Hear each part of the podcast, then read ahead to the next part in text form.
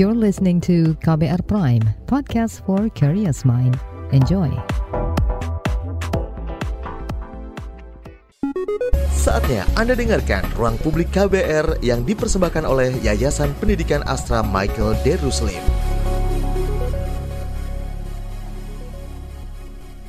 Halo, selamat pagi. Kita berjumpa kembali dalam Ruang Publik KBR bersama saya Deborah Tanya.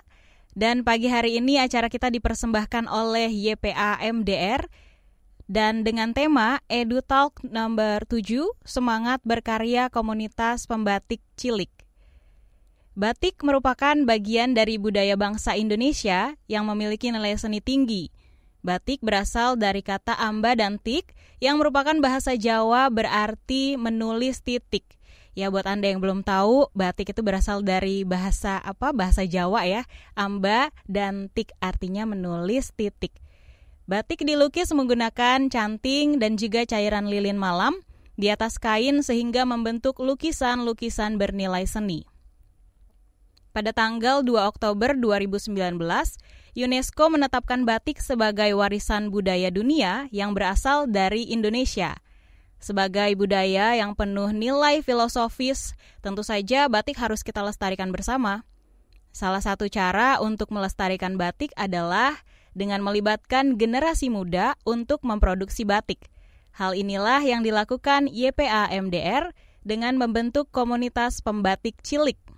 Nah, komunitas ini terdiri dari siswa pilihan lintas sekolah binaan yang terpilih dari minat dan bakat khusus mereka dalam membatik serta sebagai upaya nyata dalam memfasilitasi siswa untuk mengekspresikan diri, meningkatkan kreativitas, dan kecakapan hidup, serta melestarikan identitas budaya batik sejak dini. Lalu seperti apa komunitas pembatik cilik ini? Apa yang melatar belakangi dibentuknya dan tujuan utama YPAMDR dalam membentuk komunitas ini? Baik, saudara, kita akan perbincangkan lebih dalam soal ini di ruang publik KBR. Pagi hari ini kita sudah bersama dua narasumber kita. Ada Mbak Dwi Kinasih Mulyarta selaku Project Manager Komunitas Pembatik Cilik. Selamat pagi Mbak Dwi. Selamat pagi Mbak Deborah. Ya, gimana kabarnya Mbak Dwi? Sehat. sehat. Mbak Deborah juga ya? Sehat, sehat-sehat semua kita ya.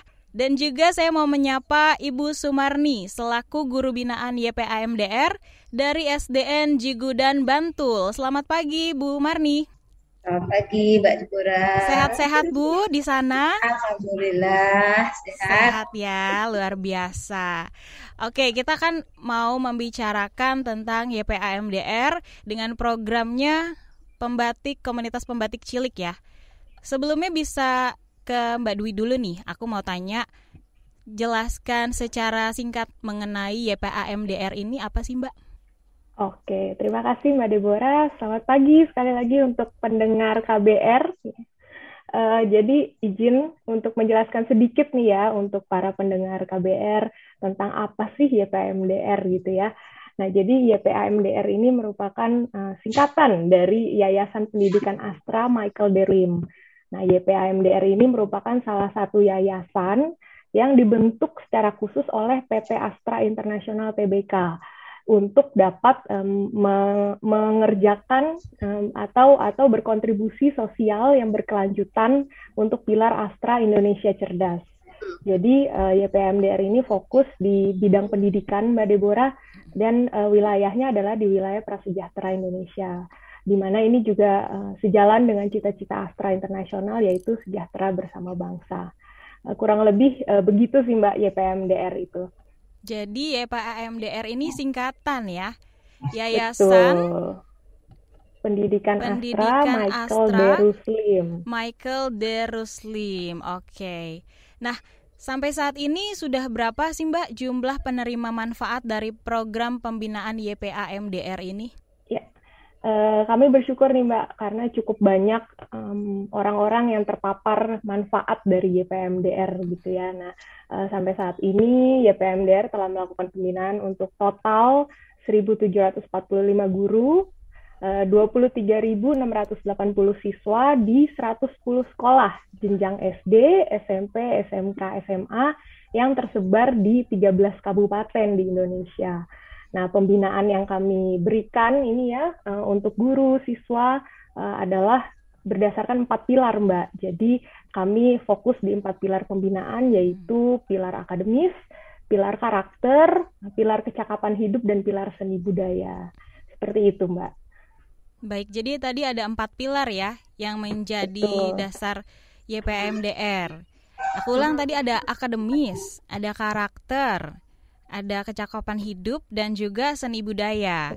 Nah, iya, kayaknya benar, yang bagian membatik komunitas pembatik cilik ini lebih ke seni budaya nggak sih, Mbak Dwi? Nah, ya, jadi uh, bisa benar ya.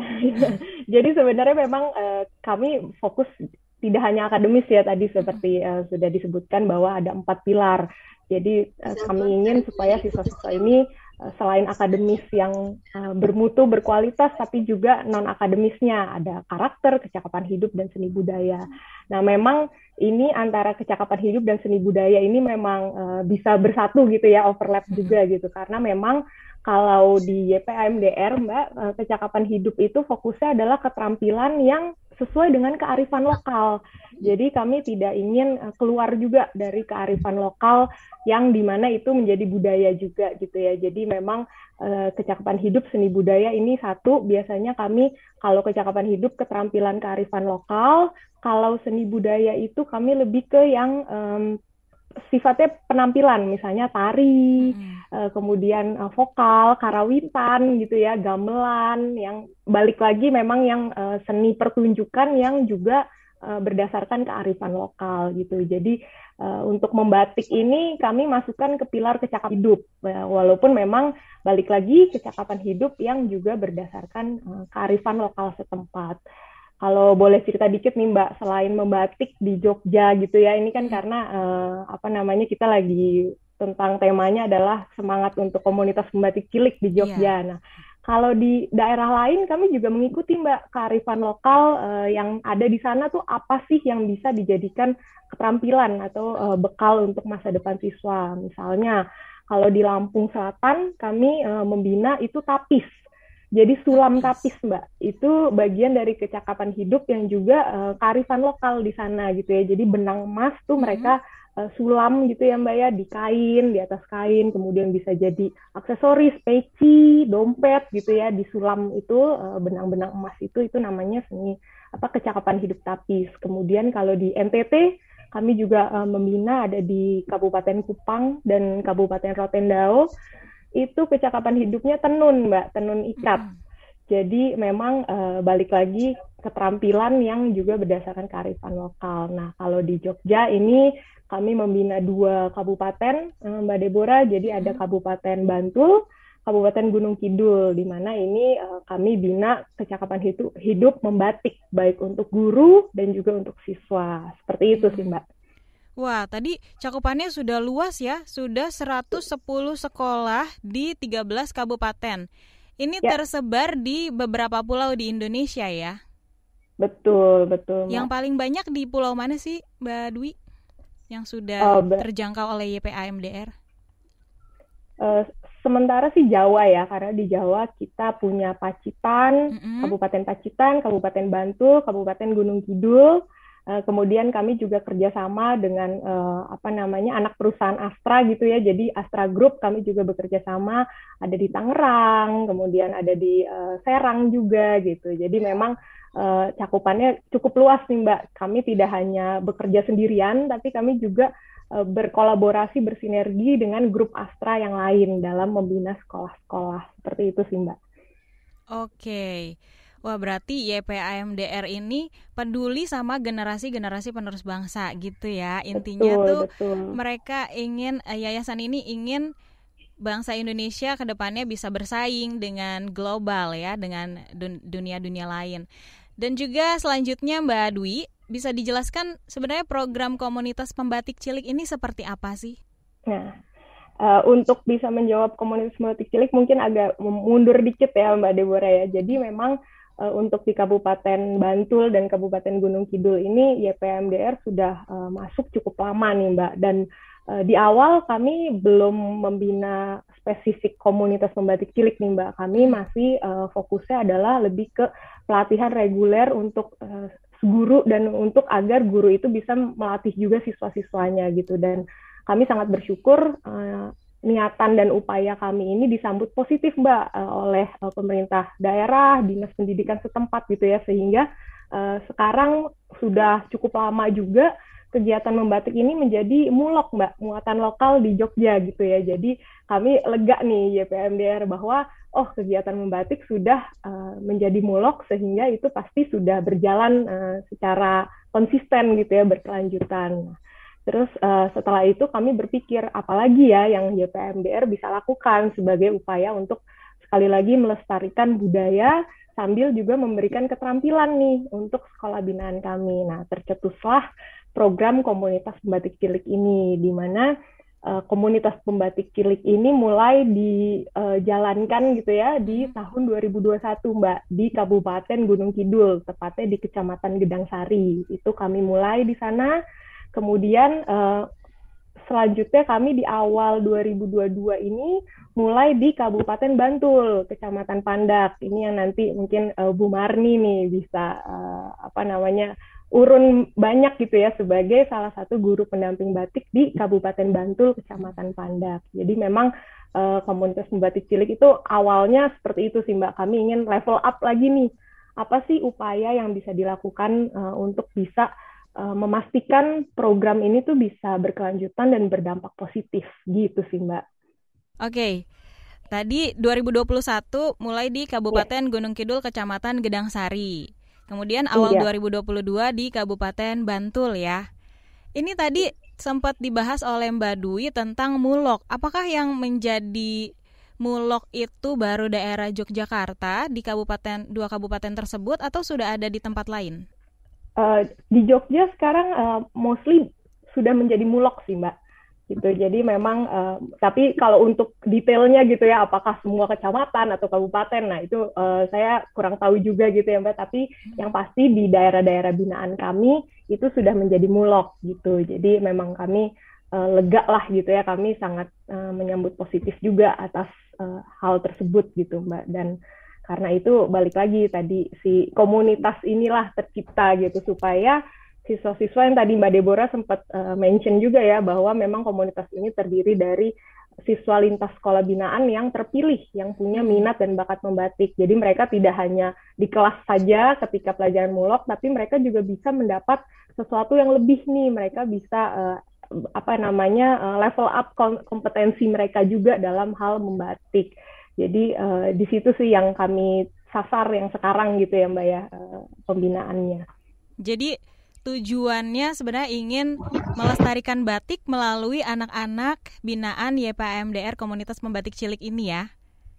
Dan juga iya, lewat guru-guru yang sudah sebelumnya dapat training. Jadi gurunya tuh di training dulu. Setelah itu guru mentraining siswa-siswanya. Dan ini juga siswanya yang terpilih yang memang punya keinginan besar ya untuk belajar membatik ya. Apakah kalau misalnya anak-anak tuh kan biasanya ada yang hobinya lain-lain gitu ya. Kalau misalnya komunitas pembatik cilik ini tujuan utamanya tuh biar anak-anak selain mengembangkan seni membatik, selain itu apa lagi? Ya, Iya Mbak, jadi anak-anak ini kan biasanya awalnya hobi menggambar dulu gitu ya. Nah mungkin nanti Bu Marni juga bisa cerita juga ya anak-anaknya seperti apa nih di sekolah uh, beliau gitu ya. Tapi biasanya tuh mereka senang menggambar dan juga biasanya juga ada yang orang tuanya juga pengrajin batik Mbak. Jadi mereka juga sudah familiar nih dengan uh, proses membatik gitu dan memang mereka juga apa ya, jadi senang untuk terlibat dalam proses itu gitu. Nah, uh, tujuan utama komunitas batik cilik itu seperti yang tadi sudah disampaikan oleh Mbak Deborah juga ya, kami ingin memberikan apresiasi gitu ya, memberikan wadah nih untuk anak-anak yang memang uh, punya minat bakat itu gitu supaya uh, tersalurkan hobinya gitu dan tidak mencari hobi yang lain malah mungkin yang misalnya uh, yang yang tidak sejalan gitu ya dengan pelestarian budaya gitu kami ingin wah bibit-bibit ini nih generasi generasi muda ini kami uh, tampung supaya mereka bisa menyalurkan dan juga uh, meningkatkan kompetensi. Nah, kami ingin supaya anak-anak ini juga siswa-siswi komunitas pembatik cilik ini lebih pede, Mbak. Karena kan uh, biasanya masih kecil gitu ya, SD, SMP gitu masih yang nggak uh, gitu pede lah ya untuk bersuara, untuk apa namanya bercerita gitu. Nah, dengan komunitas ini kami tidak hanya melatih tekniknya saja gitu ya. Jadi teknik kami latih juga supaya lebih advance. Tapi selain itu juga kami melatih mereka untuk bisa menceritakan apa sih eh, motif-motif uh, yang mereka gambar tuh apa dan mengapa mereka um, apa namanya membuat itu gitu. Jadi di sini kami juga salah satu tujuannya adalah untuk melatih kepercayaan diri mereka nih gitu untuk bekal masa depan gitu supaya nanti tidak hanya terampil secara teknik membatik, tapi juga bisa uh, memiliki kepercayaan diri untuk bercerita di depan umum supaya bisa apa namanya uh, mungkin nanti ke depannya bisa menjadi apa perajin batik atau bahkan desainer gitu ya mbak iya, ya yang betul. yang bisa sukses gitu untuk uh, apa namanya mengajar juga batik di tempat-tempat lain pengimbasan itu sih cita-cita uh, kami seperti itu sih untuk membentuk komunitas batik cilik. Baik, wah perbincangan kita semakin menarik, tapi ditahan dulu. Kita harus jeda terlebih dahulu Mbak Dwi dan juga Bu Marni. Ruang Publik KBR akan kami lanjutkan setelah ini.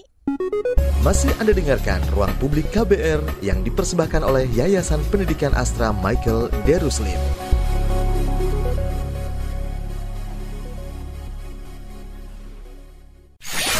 Commercial break. Commercial break.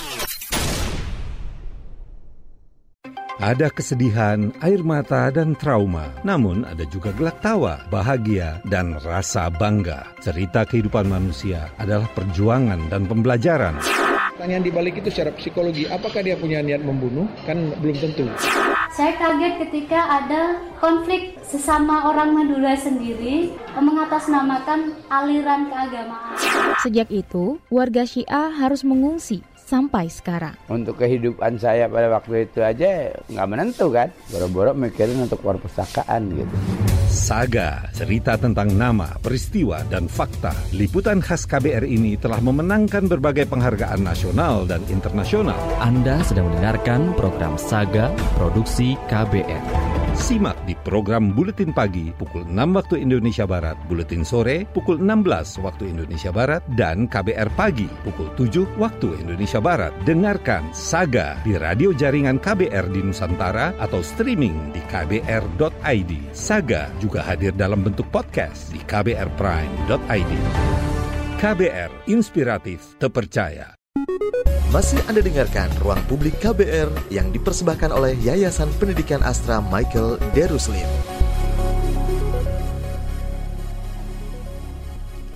Anda masih menyimak ruang publik KBR yang dipersembahkan oleh YPAMDR dan tema pagi hari ini Edu Talk ke-7 Semangat Berkarya Komunitas Pembatik Cilik.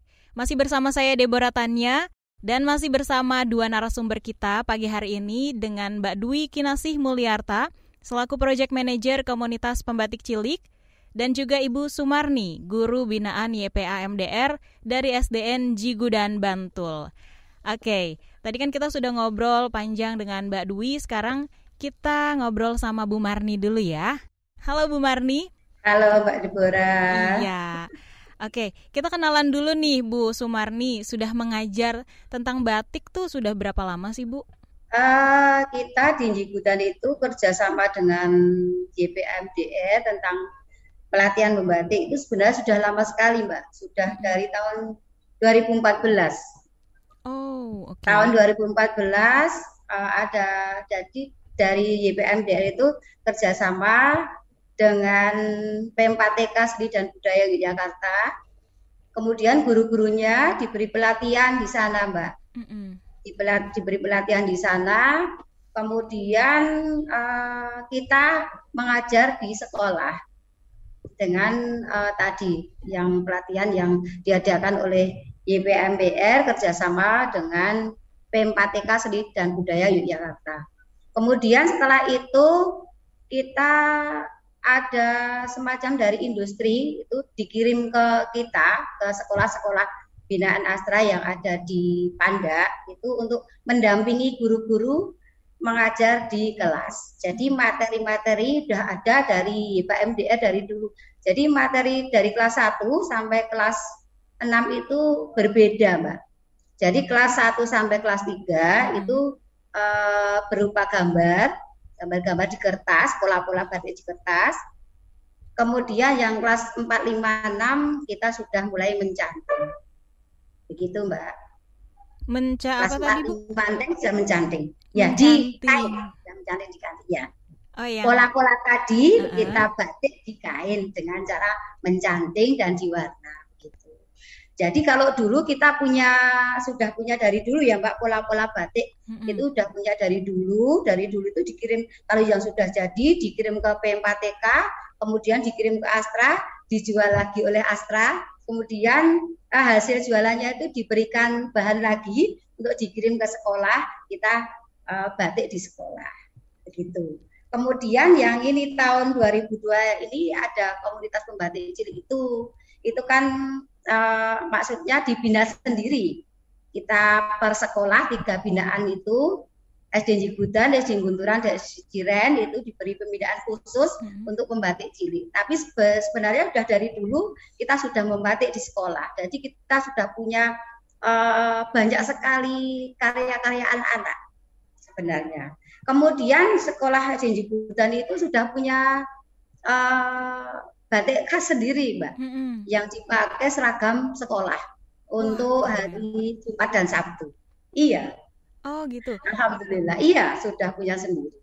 Wah, jadi udah punya trademark sendiri ya, Bu ya? Iya, sudah ya. Tapi kalau yang pembatik cilik ini kan kita rencananya mau go internasional, Mbak. Jadi kita harus lebih maksudnya harus ada pembinaan khusus lagi dari sang ahlinya nanti. Jadi kita bentuk dulu pembatik ciliknya itu, kemudian nanti kita beri pelatihan khusus lagi untuk supaya kita bisa nanti bisa memasarkan batik tidak hanya di lingkungan sekolah, tapi bisa go internasional. Begitu. Amin. Kita doakan Amin. dan berusaha bersama-sama ya Bu ya supaya tercapai. Ya. Dan tadi kan Ibu sempat bahas kalau kelas 1 sampai 3 mereka diajarkan hanya menggambar di kertas. Kelas yeah. 4 sampai 6 baru diajarkan mencanting. Ya, membatik yeah. dengan canting. Nah, kemudian yeah. Bu kalau misalnya ada anak kelas 1 sampai kelas 3 yang punya potensi, dia udah bisa nih membatik pakai canting itu gimana, Bu? Iya, ini dia... kita kita pilih ini untuk membatik cilik ini kita hmm. kita pilih yang sudah bisa dan sudah mempunyai minat dan bakat untuk membatik kita pilihkan kita mulai dari kelas 3 yang untuk membatik cilik ini. Oh, kelas gitu. 3, 4, 5. Iya. Kelas 5. Oke, berarti nggak membatasi dia harus kelas 4, 5, 6 dulu sebelum uh, apa namanya maksudnya kalau misalnya dia udah bisa punya potensi, dia bisa langsung pakai canting untuk membatik kayak gitu ya, Bu ya? Iya, betul. Oke. Iya, Terus Bu Meskipun harus hati-hati, harus kita awasi jadi harus kita tungguin, harus kita tungguin. Oke, okay. sejujurnya saya pernah sih bu membatik pakai canting, cuma itu kayak sekali seumur hidup. Jadi kayak saya kapan-kapan kalau ada kesempatan main ke sana, main ke ya, daerah Jigudan bisa belajar dari ibu ya. Boleh. Untuk cara Saya juga masih belajar, Mbak. iya bu, tapi at least ibu sudah lebih mahir gitu ya daripada orang kebanyakan. Oh, baru apa itu cuma lebih dulu tahu lebih dulu tahu iya ya. ah, ibu suka merendah deh bener-bener ya mbak Oki ya hmm. Oke, Bu, lalu dampak positif yang dirasakan oleh sekolah sendiri nih dan siswa-siswa yang telah mengikuti program komunitas pembatik cilik nih seperti apa, Bu? Uh, tentu saja kita sangat senang sekali ya, Mbak. Uh, dengan program yang diadakan oleh YPMDR ini uh, ternyata anak-anak kita itu lebih kreatif kita ajari lebih kreatif dan lebih percaya diri dan uh, untuk menciptakan karya-karya yang baru dengan motif-motif yang baru yang insya Allah nanti akan kita go internasionalkan itu. Amin. ya. Dan apa ya menjadi lebih dikenal dengan sekolah-sekolah yang lain pasti lebih lebih lebih diperhitungkan dari sekolah-sekolah yang lain yang bukan binaan dari YPAMDR. Begitu Mbak. Karena kemarin uh, kita ketemu dengan sekolah lain itu ada yang sama sekali belum belum mencanting gitu. Jadi masih baru karyanya berupa gambar-gambar itu dari kelas 1 sampai kelas 6.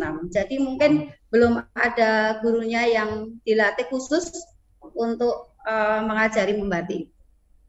Tapi kalau yang di hutan kan sudah duluan dari dulu, jadi cuma lebih tahu dulu, tapi juga masih perlu belajar, belum belum profesional masih perlu belajar terus. Akan menuju profesional suatu hari nanti ya, Ibu Marni amin. dan juga siswa-siswa di SD Jigudan sana. Amin, amin, amin, amin. Lalu Bu, kemudian ada kendala tidak dalam melaksanakan program ini di sekolah sana? Kalau ada kendalanya tuh seperti apa? Uh, begini Mbak Deborah, uh, suatu hal yang baru itu pasti ada kendalanya. Pertama kemarin kendalanya kita milih siswa itu ada yang nangis mbak. Padahal kita sudah uh, sudah tahu ya kalau anak itu sudah bisa mencanting dengan baik. Eh ternyata malah nangis. Lah kenapa kok nangis katanya takut. Loh jangan takut kan ada bu guru didampingi bu guru gitu. Oh susah bu katanya. Ya sudah kalau tidak kalau tidak nggak mau ya sudah. Jadi uh, itu kesulitannya itu, mm-hmm. kemudian uh, mendampinginya anak-anak itu kan kalau waktu mencanting itu kan kita harus stay ya mbak ya. Karena itu mm-hmm. berhubungan dengan panas ya harus stay. Jadi uh, melatih anak-anak sabar. Sulit sekali mbak itu. Melatih iya. anak-anak untuk diem sabar mencanting tidak rame karena namanya juga anak-anak. Jadi uh, kendalanya mungkin itu jadi kesulitan dalam uh, ayo cah kita harus uh, apa sabar telaten teliti hmm. supaya cantingannya lebih bagus gitu. Dan karena ini kemarin ada pandemi ya mbak. Iya. jadi waktunya tertunda kemarin harusnya sudah mulai dari bulan Juni apa Juli ya kemarin ini baru baru tapi sudah punya dua karya kemarin yang untuk pembatik cilik. Oke. Okay. Tapi semua itu insya Allah akan teratasi. Kendala-kendala yang kita alami, insya Allah kita bisa mengatasi. Iya, Cuma betul. Uh, karena kemarin ada pandemi jadi agak terlambat sedikit. Tapi tidak apa, ada, ada bisa teratasi. Pandemi Begitu. tidak menghalangi semangat anak-anak di sana maupun ah, guru-guru pendamping untuk terus berkarya ya Bu Marni. Iya betul, iya betul. Baik Bu Marni, terima kasih. Nanti kita akan lanjut lagi. Kita harus jeda terlebih dahulu. Masih Anda dengarkan Ruang Publik KBR yang dipersembahkan oleh Yayasan Pendidikan Astra Michael Deruslim.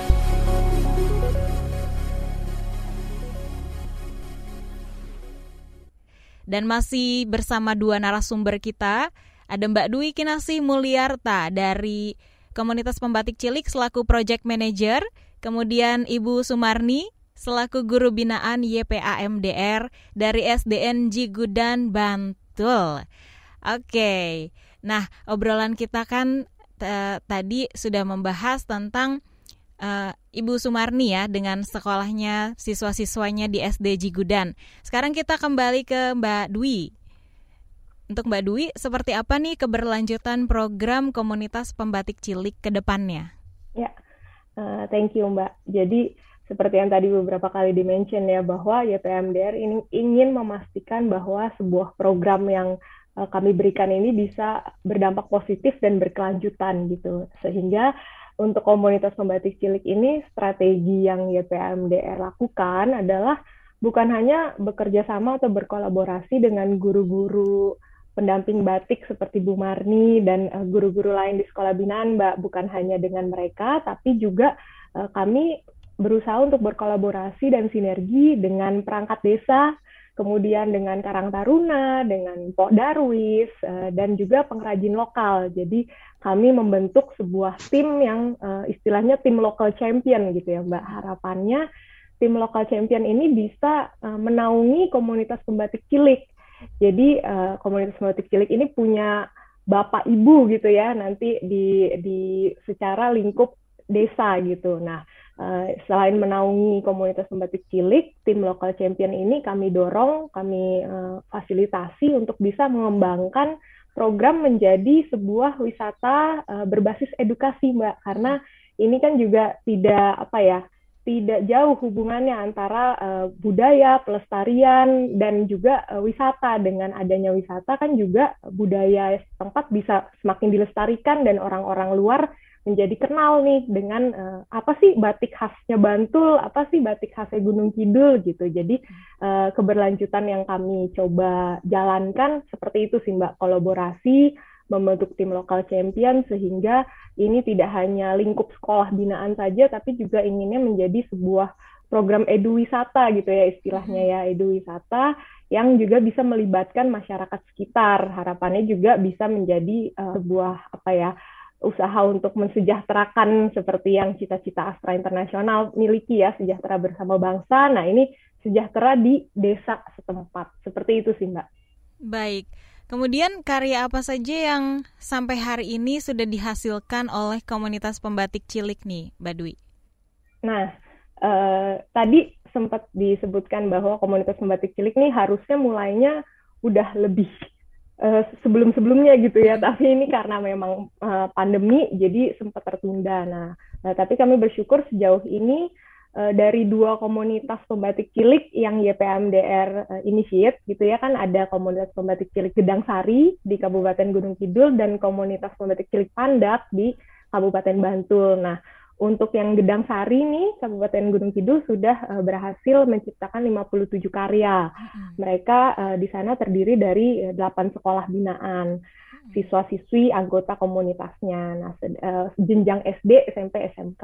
Sedangkan kalau yang uh, komunitas membatik cilik pandak ini sedang proses finalisasi ya untuk uh, menciptakan 38 karya di mana komunitas ini diikuti oleh tiga SD seperti yang tadi uh, Bu Marni sempat sebut dan satu SMP gitu. Jadi ada empat sekolah binaan. Nah ini sedang uh, finalisasi nih Mbak, benar-benar uh, beberapa sudah jadi hari ini ada pewarnaan lagi gitu ya proses pewarnaan untuk uh, menghasilkan 38 karya itu kalau yang untuk di Kabupaten Bantul seperti itu. Nah, tapi itu kan komunitas ya Mbak. Kalau yang sebelumnya nih yang Bu Marni yeah. tadi sempat cerita nih sejarahnya gitu ya bahwa sebelum membentuk komunitas uh, YPMDR juga sudah melakukan pembinaan atau pelatihan ke guru-guru untuk dilanjutkan ke siswa. Nah, itu sudah banyak tuh mbak karyanya hmm. gitu ya. Ini salah satunya saya lupa tadi mau pamer tapi uh, uh, lupa. Jadi sekarang aja ya pamer ini baju Boleh. yang saya pakai ini juga hasil karya anak-anak uh, Mbak iya. Deborah. Jadi Wah, ini banget. di awal-awal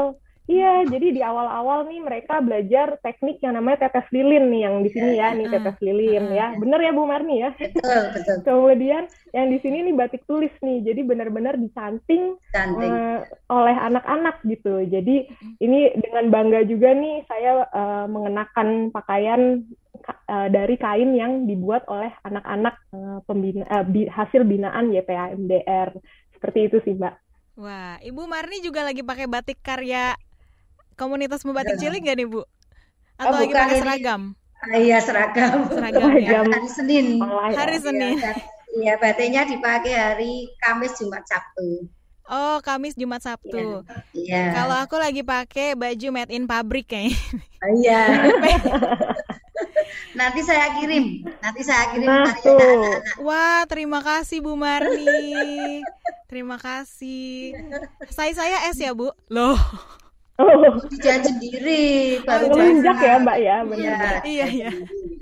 Dikasih hati minta jantung gitu ya. Bercanda ya Bu Marni. Iya, apa. Oke, kemudian ke masih di Mbak Dwi nih. Lalu dari karya-karya yang tadi sudah dihasilkan ada 57 di daerah Gedang Sari, kemudian 38 di daerah Bantul gitu ya. Apa sih yang diharapkan dari karya-karya yang sudah dihasilkan ini ke depannya? Ya, jadi uh, yang pasti sih kami ingin selain yang tadi ya memberi wadah untuk anak-anak bisa berekspresi dengan berbagai motif kreativitas mereka itu kami juga berharap agar kain-kain ini hasil karya anak-anak ini bisa dikenal di luar bahkan sampai go international gitu ya kalau tadi Bu Marni uh, sempat sebut gitu uh, bisa diekspor gitu ya itu iya. cita-cita jangka panjang kami sih Mbak tapi uh, sekarang short term kami memang adalah untuk mengenalkan ini ke di luar uh, Kabupaten Gunung Kidul, di luar Kabupaten Bantul gitu. Jadi salah satunya juga kami bekerja sama nih, misalnya ada event-event uh, yang sekarang sih sudah uh, berjalan yang kemarin akhir Juli ini event uh, Desa Sejahtera Astra. Jadi memang masih event Astra juga uh, dan itu menghadirkan ada uh, istri dari Pak Menteri Sandiaga Uno yaitu Ibu Nur Asia Uno. Beliau merupakan penasehat Dharma Wanita Persatuan Kemenparekraf. Itu beliau hadir dan juga ada Ibu Dirjen uh, apa namanya pengembangan ekonomi dan investasi desa Ibu Herdina Sulistyo Rini juga hadir dan uh, kami di situ anak-anak uh, menampilkan mbak memamerkan hmm. karya-karyanya dan bersyukur tertarik nih ibu-ibu uh, ini terhadap kain-kain karya anak-anak jadi uh, ada beberapa kain yang berhasil terjual gitu mbak dari hasil wow. karya yang uh, uh, hasil karya komunitas pembatik cilik gitu. Jadi uh, sudah ada yang dibeli juga. Tapi memang uh, karena ini kan sifatnya lebih balik lagi pembelajaran, kemudian apa namanya memberikan wadah untuk siswa gitu ya untuk berkreasi. Jadi uh, memang hasil penjualan ini juga diputar lagi untuk ya kegiatan untuk pelatihan lagi gitu dan ada juga yang kami juga ya berikan apresiasi tabungan pendidikan nih untuk anak-anak gitu karena kami tidak mau uh, nanti fokusnya berubah gitu ya bagaimanapun fokus anak-anak, fokus siswa adalah untuk belajar, untuk menuntaskan sekolah gitu ya Mbak. Jadi uh, walaupun sudah terjual gitu ya, diju dibeli oleh Ibu Menteri gitu ya kan, iya. kan, itu suatu kebanggaan ya Mbak ya gitu. Betul, betul. Kalau nominalnya sih eh, nggak uh, perlulah anak-anak jadi fokus ke sana, tapi lebih ke uh, moralnya aja kan jadi meningkat ya mbak dengan uh, dibilang oh iya. dibeli nih oleh karyanya dibeli kepercayaan diri uh, meningkat juga ya betul mbak betul uh. jadi lebih uh, semangat lagi gitu ya semangat berkarya seperti uh, tema betul. kita hari ini gitu sih mbak jadi hal-hal seperti itu sih mbak yang uh, kami harapkan uh, terus terjadi uh, dan dan terus bisa uh, apa namanya berkelanjutan untuk komunitas pembatik cilik ini gitu mbak. Baik, tadi kan sudah disebutkan ada Eh, istri dari Pak Sandiaga Uno dan juga Ibu Menteri yang membeli karya dari komunitas membatik cilik ini. Selain dari mereka, ada lagi nggak kira-kira yang sudah membeli karya dari komunitas membatik cilik ini? Hmm.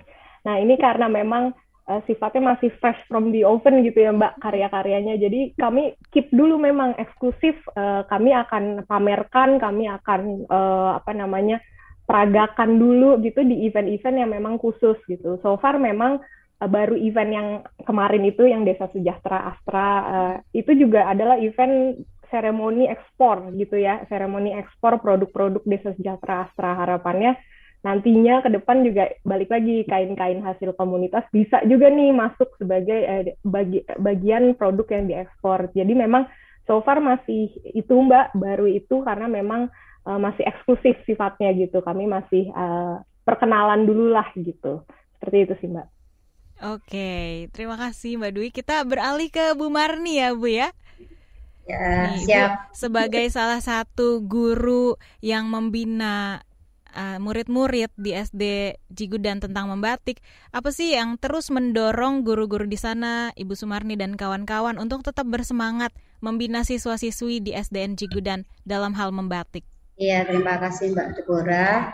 Uh, gimana ya? Karena itu memang harus kita lakukan ya, memang kewajiban kita. Jadi kita harus uh, masih tetap wajib mendampingi dan mendorong anak-anak supaya lebih kreatif lagi. Nanti ada pendampingan lagi dari narasumber yang ahli. Jadi kita tetap semangat dan tetap uh, untuk mengajak anak-anak untuk lebih kreatif lagi, lebih kreasi lagi dalam membuat eh, pola-pola uh, batik yang mereka inginkan dan mungkin eh, anak-anak uh, diberi kebebasan untuk memilih atau membuat pola batik sendiri uh, dengan yang mereka inginkan. Oke. Okay. Memang yang sulit yang sulit itu cara menceritakan menceritakan karya batiknya itu yang masih jadi mereka masih uh, belum begitu percaya diri masih kurang percaya diri untuk mengkomunikasikan atau menceritakan uh, apa sih kamu membuat ini itu motivasinya apa ini anak-anak masih kurang percaya diri jadi kita masih optimis untuk melatih uh, supaya mereka bisa uh, lancar menceritakan di depan publik hmm, begitu. Lebih percaya ya. diri ya Bu, karena ya, mereka sebenarnya punya diri. potensi, tapi ya. kadang mungkin masih kurang percaya malu, diri, iya, masih, masih malu, benar. Belum terbiasa, masih ya. takut, seperti itu Mbak. Baik. Jadi itu yang uh, PR yang utama, PR yang utama adalah memberikan kepercayaan diri kepada anak-anak. Iya, baik Bu Marni dan juga Mbak Dwi kita harus jeda terlebih dahulu. Masih Anda dengarkan Ruang Publik KBR yang dipersembahkan oleh Yayasan Pendidikan Astra Michael Deruslim.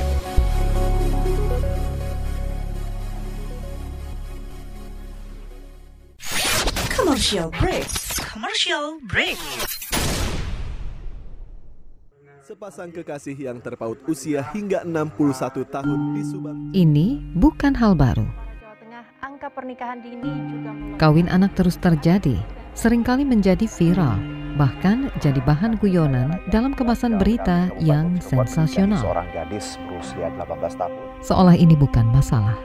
Tapi, bagaimana rasanya kawin ketika masih di usia anak? Gimana sih perasaan saya tuh sebenarnya hancur waktu itu.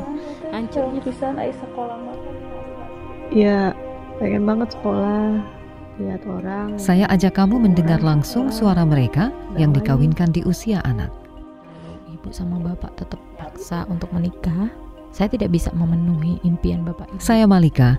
Ini adalah Disclose, serial podcast investigasi dari KBR. Yang penting saya mau ningkain cita-cita Disclose, dipaksa kawin. Bisa disimak di KBR Prime, Spotify, dan aplikasi mendengarkan podcast lainnya. Masih Anda dengarkan Ruang Publik KBR yang dipersembahkan oleh Yayasan Pendidikan Astra Michael Deruslim. Baik saudara, inilah bagian akhir dari Ruang Publik KBR yang dipersembahkan oleh YPA MDR. Dan kita masih mengangkat tema pagi hari ini EduTalk ke-7, Semangat Berkarya Komunitas Pembatik Cilik. Dan pagi hari ini juga masih bersama dua narasumber kita yang luar biasa. Ada Mbak Dwi Kinasi Mulyarta selaku Project Manager Komunitas Pembatik Cilik. Juga ada Ibu Sumarni selaku Guru Binaan YPAMDR dari SDN Jigu dan Bantul. Nah kita ke Mbak Dwi dulu nih ya Mbak. Kaitannya program komunitas pembatik cilik ini dengan pencapaian Sustainable Development Goals atau SDG seperti apa Mbak? Ya, Uh, jadi ini sangat berkait ya Mbak dengan SDGs ini ya yang sedang uh, banyak dibicarakan gitu ya sekarang. Jadi uh, seperti yang telah disebutkan tadi pembinaan komunitas pembatik cilik oleh uh, YPMDR di Kabupaten Bantul dan Gunung Kidul ini dilakukan untuk meningkatkan level kompetensi anak-anak gitu ya dalam uh, ujungnya adalah melestarikan budaya batik. Nah, pada prosesnya juga tadi sempat sudah uh, dibahas juga ya bahwa YPMDR berkolaborasi, bermitra tidak hanya dengan guru-guru sekolah binaan tapi juga dengan uh, pejabat desa, karang taruna, pengrajin, masyarakat setempat untuk bisa uh, bergabung bersama mengembangkan keberlanjutan kegiatan membatik ini. Nah, Hal ini uh, berkaitan dengan SDGs di poin keempat, yaitu pendidikan berkualitas, karena kan uh, batik ini uh, fokusnya adalah pendidikan, pembelajaran uh, membatik. Kemudian ada juga poin 8, yaitu pekerjaan layak dan pertumbuhan ekonomi, serta juga poin 17, yaitu kemitraan untuk mencapai tujuan. Jadi uh, tiga poin itu sih Mbak kaitan SDGs yang kami uh, lihat uh, ada nih di komunitas pembatik cilik. Seperti itu Mbak. Oke, lalu kemudian agenda komunitas pembatik cilik dalam waktu dekat kira-kira apa aja nih Mbak Dwi? Iya, ada dekat banget Mbak, waktu dekat banget nih oh, iya? agendanya. Iya. Yaitu ya? di satu September, iya, ini dekat banget satu ya ampun, September. Satu September iya. ya, ini udah 29. Betul. Oke. Jadi beberapa hari beberapa lagi. hari ke depan ya. Uh, betul, uh, kami akan ada event yaitu peluncuran destinasi eduwisata uh, pembatik cilik Pandak. Jadi ini gengnya Bu Marni nih akan ada event nih di tanggal 1 September okay. gitu ya. Jadi kami ada uh, melakukan peluncuran destinasi edu wisata itu, Mbak, dan uh, juga bertepatan dengan satu dasawarsa Undang-Undang Keistimewaan DI Yogyakarta. Jadi memang ini pas banget 10 tahun yang lalu Undang-Undang uh, Keistimewaan DI Yogyakarta itu uh, disahkan. Jadi memang ini sedang ada uh, perayaan atau peringatannya juga di lingkup provinsi gitu. Nah, uh, ini juga jadi selain peluncuran edu wisata, kami juga memperingati satu dasawarsa Jogja Istimewa itu gitu. Nah, kami sangat bersyukur nih Mbak, di tanggal 1 September ini rencananya Gusti Kanjeng Ratu Hemas akan hadir untuk uh, turut serta dalam melakukan peluncuran destinasi wisata edu wisata ini gitu. Jadi uh, selain juga pastinya pimpinan YPMDR juga akan hadir nih nanti tanggal 31 akan sampai nih di Jogja gitu ya. Nah, uh, selain itu juga akan ada Gusti Kanjeng Ratu Hemas dan kemungkinan ini masih dalam konfirmasi juga ada dari Kemenparekraf juga uh, kami masih dalam konfirmasi untuk bisa hadir juga gitu. Jadi uh, sedikit bocoran nih Mbak tentang acara 1 September nanti tuh kurang lebihnya kami selain gunting kita ya prosesi bahwa ini wah disahkan gitu ya diluncurkan destinasi edu wisata batik ini kami juga akan ada fashion show Mbak. Jadi uh, kami bekerja sama juga dengan uh, program Miss Bantul. Hmm. Jadi tidak hanya universe aja yang punya Miss gitu ya, tidak hanya Indonesia saja Bantul yang pun Miss, punya Miss. Bantul pun punya, punya ya. Gitu. iya, jadi uh, kami bekerja sama juga. Jadi nah, uh, finalis-finalis Miss Bantul dari hmm. tahun ke tahun dan juga pemenang Miss Bantul akan memperagakan kain-kain hasil karya komunitas pembatik cilik pandak, Mbak, gitu. Jadi nanti akan ada acara fashion show gitu, kemudian ada juga acara kegiatan membatik massal. Jadi karena balik lagi tadi peringatan satu dasawarsa keistimewaan Jogja salah satunya kan adalah batik gitu ya eh, identitasnya Yogyakarta. Nah, jadi nanti setelah fashion show akan ada uh, kegiatan membatik massal. Rencananya sih uh, 300 siswa kami uh, undang di sekitar uh, daerah Kecamatan daerah, Pandak ya um, untuk bisa membatik bersama nanti dengan Gusti Kanjeng Ratu, kemudian tamu-tamu yang lainnya. Uh, dan Bupati Bantul juga uh, mm-hmm. sedang dalam konfirmasi untuk hadir juga gitu sih Mbak. Jadi uh, acara yang terdekat ini dekat sekali gitu ya. Dan Betul kami harap uh, dengan acara ini balik lagi tidak hanya komunitas pembatik cilik dari sekolah binaan YPMDR saja nih, tapi juga seluruh masyarakat Kecamatan Pandak, uh, khususnya ini di uh, lokasinya di Kelurahan Gilang Harjo, Mbak namanya, itu juga dapat uh, terlibat nih dalam upaya pelestarian budaya batik yang dikemas dalam bentuk program uh, wisata berbasis edukasi. Seperti itu sih, Mbak. Baik. Nah, Bu Sumarni nih, singkat saja karena waktu kita sudah mau habis, apa harapan ya. Ibu selaku guru pendamping dan tenaga pengajar ke depannya terkait pelatihan membatik? Baik, Mbak Deborah, harapan saya sih karena SD Jibutan itu uh, siswanya lebih dari 200 siswa, Mbak. Kemudian kemarin kan kita baru memilih membatik cilik itu baru 10 siswa ya. Baru 10 siswa. Harapan saya nanti uh, kita cari lagi pembatik-pembatik cilik yang lain supaya lebih uh, banyak lagi karya-karya yang mereka uh, apa itu mereka dapatkan gitu.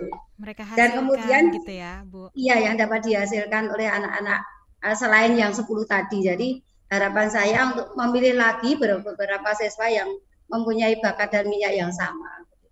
Kemudian juga buat guru-gurunya mungkin uh, kita kepingin membina dari membina lagi ke sekolah-sekolah yang lain mm-hmm. supaya mereka tertarik dan uh, mempunyai karya sendiri juga seperti Baik. kita SD Buddha yang sudah mempunyai khas batik sendiri. Selain itu juga biar mereka uh, ikut melestarikan batik yang ada di Yogyakarta khususnya di uh, Bantul dan khususnya di sekolah masing-masing uh, punya ciri khas batik sendiri-sendiri. Iya, baik. Mantap. Terima kasih Bu Sumarni dan juga Mbak Dwi untuk waktunya. Sayang sekali kita terbatas, jadi kita harus pamit dulu. Bagi para pendengar yang ingin mengetahui informasi seputar YPAMDR lebih lengkap, dapat mengunjungi websitenya di www.ypamdr-astra.com atau Facebook dan YouTube Yayasan Pendidikan Astra strip Michael D. Dan juga Instagram Twitter mereka at underscore Astra dan at Galeri Anak Nusantara. Saudara, karena waktu kita terbatas, kita akan akhiri perbincangan kali ini. Terima kasih untuk kebersamaan Anda. Saya Deborah Tanya undur diri. Salam. Baru saja Anda dengarkan Ruang Publik KBR yang dipersembahkan oleh Yayasan Pendidikan Astra Michael D. Ruslim.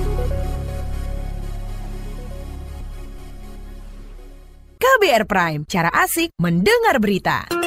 KBR Prime, podcast for curious mind.